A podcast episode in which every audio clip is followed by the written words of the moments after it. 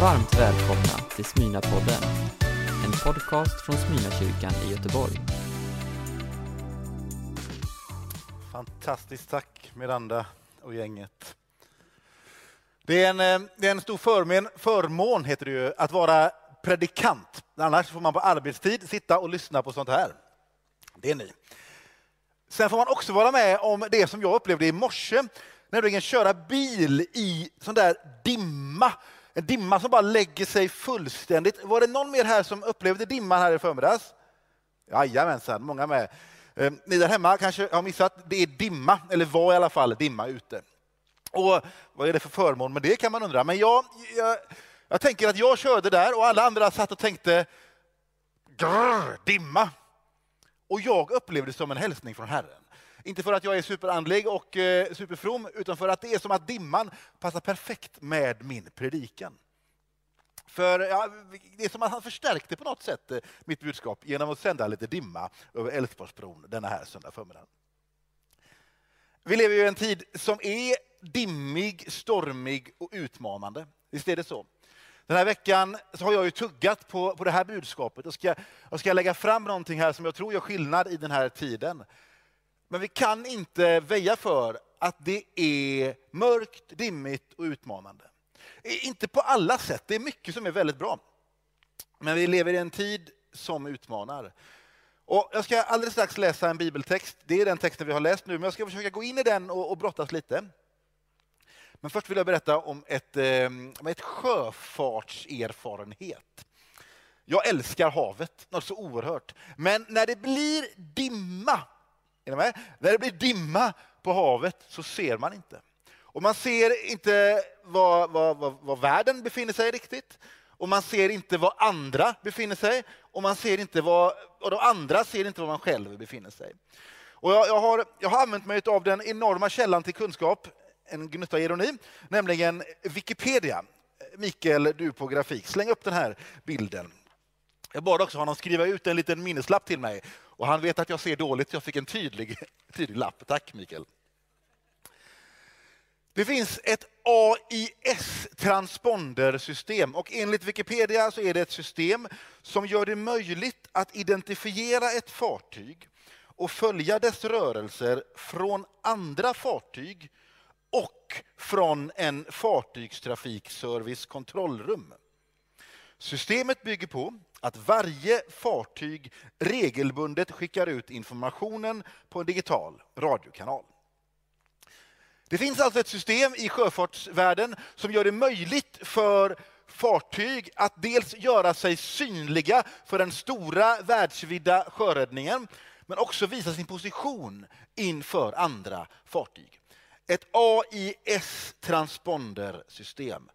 Den här bilden får gärna ligga lite som en sån god eftersmak efter fredagschipsen. Ni vet, den ligger kvar. Man har den. Lyssna på den här bibeltexten, Johannes kapitel 13, vers 6 till 8. När han kom till Simon Petrus sa denne till honom, Herre, ska du tvätta mina fötter? Jesus svarade, vad jag gör förstår du inte nu, men senare ska du fatta det. Petrus sa, aldrig någonsin får du tvätta mina fötter. Jesus sa till honom, om jag inte tvättar dig har du ingen gemenskap med mig. Alltså Jesus är den, den stora pedagogen. Jag, jag, blir om och om igen fascinerad över hur Jesus säger någonting och gör någonting som blir till kunskap som vi båda nästan kan se framför oss, men som sen blir till liv i församlingsrörelse. Ordet pedagogik kommer från det grekiska ordet pedagogike. Adjektivet är pedagogikos. Och det hör till uppfostran och vetande. Och jag tror att hela den här passagen som vi befinner oss i just nu, som vi fick höra i The Message, den, den utspelar sig i ett tillfälle där, där allt på något sätt står på spel. Det här är ju precis när Jesus sen ska bryta brödet och ge sitt liv till mänskligheten. Det, det stora dramat som vi kallar påskdramat kommer utspela sig och Jesus kommer dö och sedan kommer han besegra döden och uppstå till evigt liv. Det Jesus gör som den store pedagogen, det är att han kopplar ihop sitt tjänande, sin betjäning med segern och uppståndelsen. Jag tycker, jag tycker Lukas fångar det väldigt bra. Det här är från samma sammanhang, samma ställe, från ett annat ögonvittne. Jag läser i Lukas kapitel 22, vers 27 till 30. Då säger Jesus så här. Vem är störst? Den som ligger till bords eller den som betjänar honom? Är det inte den som ligger till bords? Men jag är mitt ibland er som er tjänare. Ni är de som har stannat kvar hos mig under mina prövningar och samma kungavärdighet som min fader har tilldelat mig tilldelar jag er. Ni ska få äta och dricka vid mitt bord i mitt rike. Och ni ska sitta på troner och döma Israels tolv stammar. Jag är mitt ibland er som er tjänare. Jesus kopplar ihop sin betjäning av lärjungarna med den stora segern. Ja, inte bara över deras liv just där och då, utan faktiskt deras liv i det eviga perspektivet. Ni ska få ta del av himmelriket eftersom ni låter mig betjäna er. Det är ju frälsning, det är ju kristendomens själva kärna, att Gud valde att bli människa, en av oss. Och så slutar det inte där, utan han går hela vägen ner och så är det han som renar, det är han som betjänar och vi får ta del av den stora segern över död till liv. Jag, jag gillar den här parallellen med sjöfarten. För det är ju i det ögonblicket som den här transponden slås på som sjöräddningen får veta att nu är det någon som är i behov av hjälp. Och Den här transponden skickar ut signal om att jag är här och jag är på väg dit. Den skickar också signal till andra båtar runt omkring, men vi kommer dit alldeles strax, om signaler till andra skepp runt omkring. Men den här transponden berättar sjöräddningen, här är vi, här är jag, jag är på väg hit, jag har kommit ur kurs, det stormar, det är dimma, jag ser inte. Och så kommer den enorma kraft som är sjöräddningsbåtar Jonathan och en, en god vän var ute och eh, det blåste lite mycket och hela gänget kom. Det var kustbevakning och sjöräddningsbåtar. Men det finns en risk att man känner sig trygg och stänger av transponden.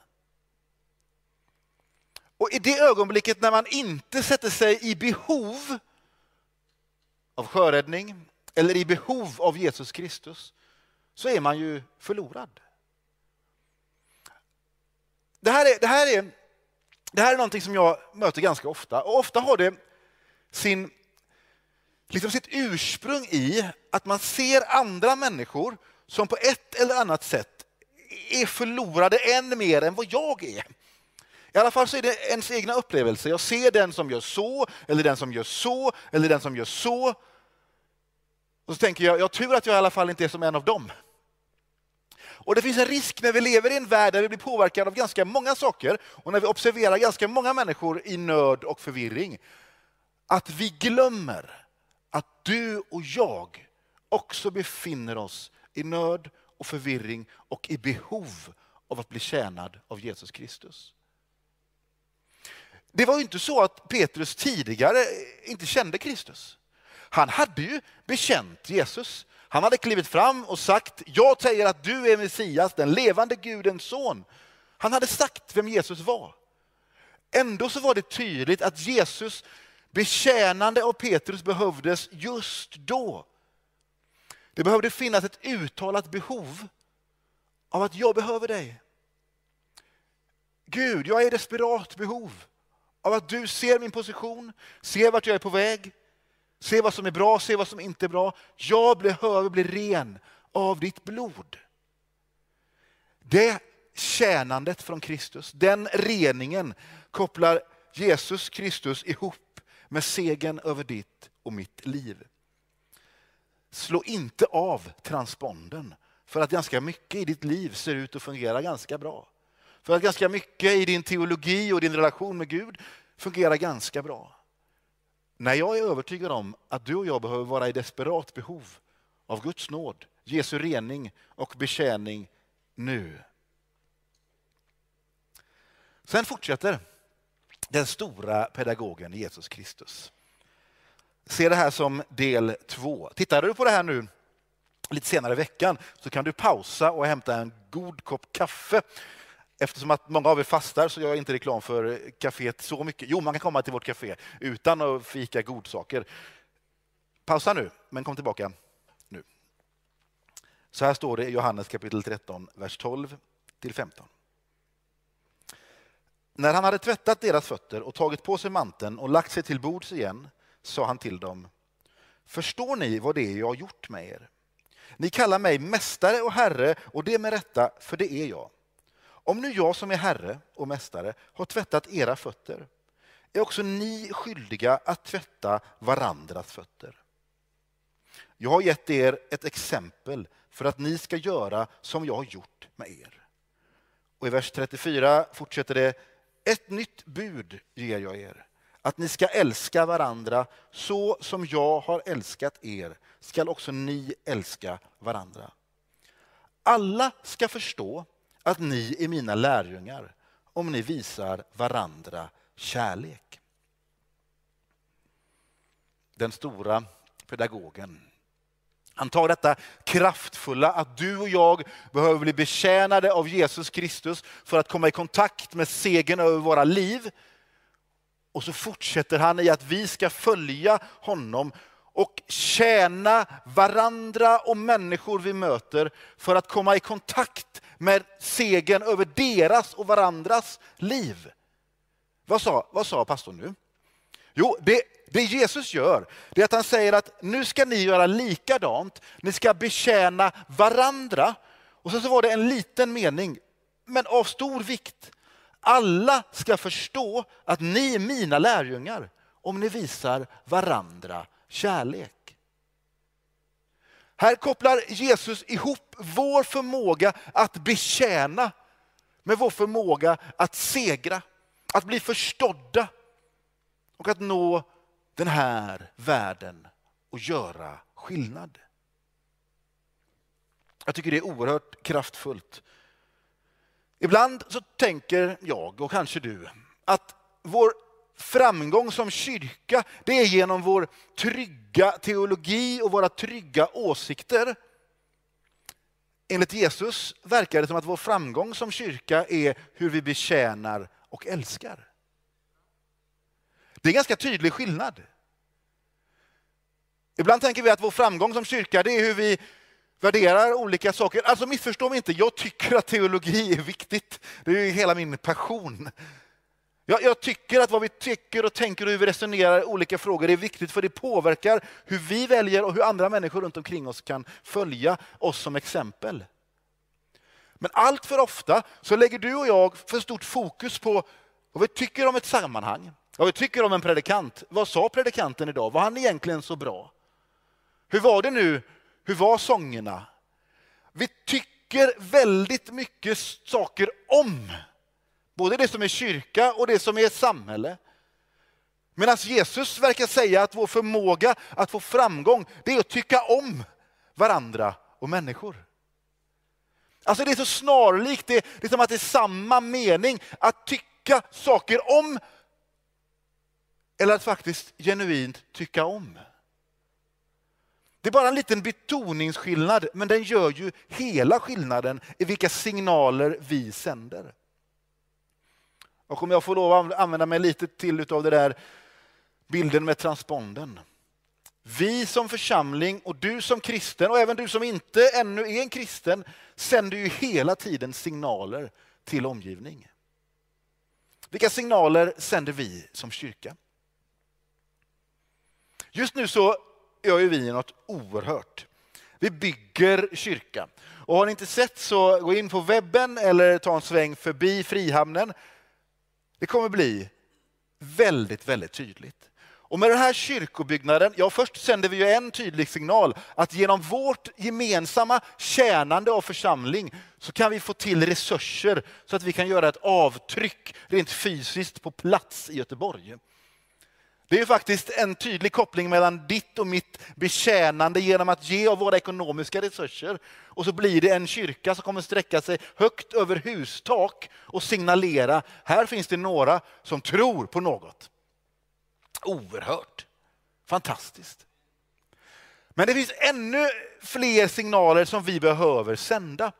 För när folk tittar på det som nu är och växer upp och blir vår nya kyrka så kommer man fundera på vad är det egentligen för folk som är där inne? Och är jag välkommen dit? Vilka signaler sänder vi som församling? Jag tror att vi kan sända signaler genom vad vi fyller kyrkan med, alltså vilken verksamhet. Vi behöver våga och vara ännu mer utmanande i att fylla kyrka med verksamhet som är relevant, som betjänar samhället och den här staden vi bor i. Vi behöver betjäna genom att ta kloka och modiga beslut och kanske testa något vi inte har gjort innan så betjänar vi människor som inte innan har varit i vår kyrka. Men jag tror att vi lurar oss om vi stannar där. De absolut tydligaste signalerna, de sänder du där du är. Och om vi tar Jesus ord, försöker göra dem så bokstavliga vi kan, så kan vi ju på olika sätt antingen tvätta rent. Det är den här bilden som är så vacker, hur, hur Jesus gör rent det som var smutsigt. Men jag tror faktiskt att vi till och med har verktyg att smutskasta. Jag talar om hur vi talar. De allra flesta av oss har ganska rena fötter. Vi går in i en dusch, det löser sig. Behovet hos människor idag är inte rena fötter. Men jag tror att det finns ett behov av att komma till en miljö där man möter människor som inte talar illa om mig. Som inte spär på med skit där det finns skit. Varje gång jag använder ordet skit i en predikan så har jag gjort det genom att reflektera innan. Kan man göra det? Men det finns ett fenomen som jag tror går direkt emot välsignelse. Det är nämligen skitsnack. Och det luriga med att tala illa om någon, det är att man kan ju faktiskt säga det som är sant. Hörde ni vad den har gjort? Ja, det är ju fruktansvärt. Alltså det kan ju vara sant. Men det jag gör är ju tvärt att jag tvättar den ren. Jag kastar på mig skit. Det är därför jag tänker mig att det heter smutskastning. Det är därför vi använder oss av ordet skitsnack. Det går att genom vad vi säger välja att lyfta bort människors smuts, människors kamp, eller att faktiskt bara hälla på mer genom hur vi pratar. Och Det gäller hur vi pratar om människor utanför kyrkan. Men det gäller också i allra högsta grad hur vi pratar om varandra i kyrkan. En, en parentes som är mycket viktig. Vi är inte en kultur där vi döljer saker. Finns det rena missförhållanden, behandlar någon någon illa, finns det maktförhållanden som är problematiska, då ska de alltid upp. Tala med den som är ansvarig. Vi tar tag i det, vi skyfflar inte undan, vi polisanmäler övergrepp. Det är otroligt tydligt. Det är inte det jag pratar om. Utan jag pratar om allt det andra som du och jag ibland säger om andra som inte tvättar rent eller lyfter upp. Utan som faktiskt trycker ner och kastar på mer smuts. En, en god förebild till mig Olle Djurfält fick flytta hem igår. En av alla dessa stora betydelsefulla människorna i vår pingströrelse. Olle och jag minns Martin Tornell sa, jag jobbade i Filla, vi har bara bra gudstjänster i vår kyrka. Hur var gudstjänsten? Var den bra? Den var bara, vi har bara bra gudstjänster i vår kyrka. Det var inte så att det inte fanns tankar om hur man kunde göra saker och ting bättre. Det fanns det ofta och alltid. Och ofta var det rätt. Och inte alltid, men ofta. Men att på något sätt tala väl om gudstjänst och kyrka satt fast i Olles DNA. Jag tror att det har att göra med att han följde Jesus Kristus till den milda graden, att det påverkade vad som kom ur munnen och ur fingrarna.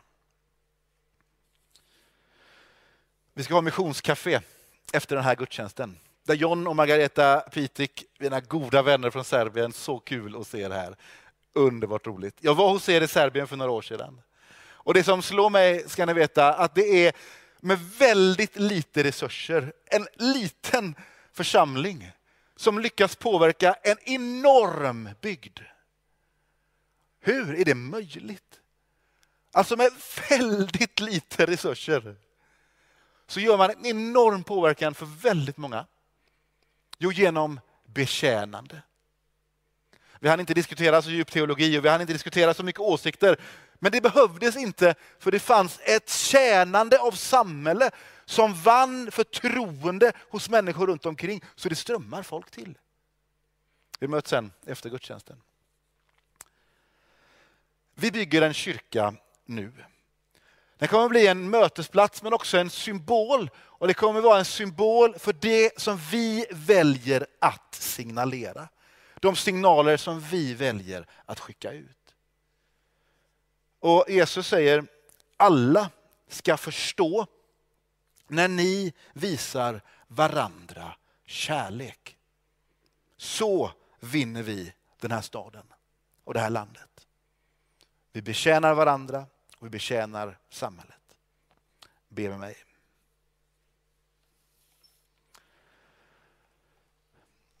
Jesus Kristus, du vet att det här är svårt.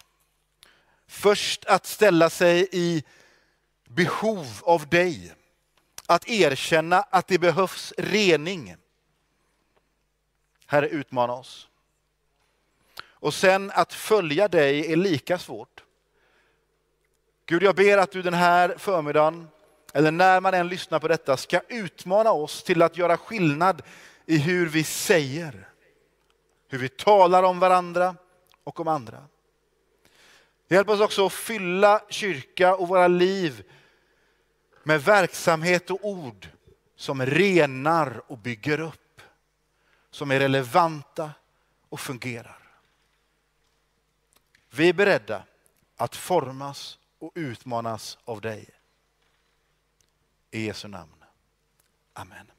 Du har lyssnat på en predikan från Smyrnakyrkan i Göteborg. Hjärtligt välkommen att lyssna igen eller besöka Smyrnakyrkan. Gud välsigne dig och din vecka.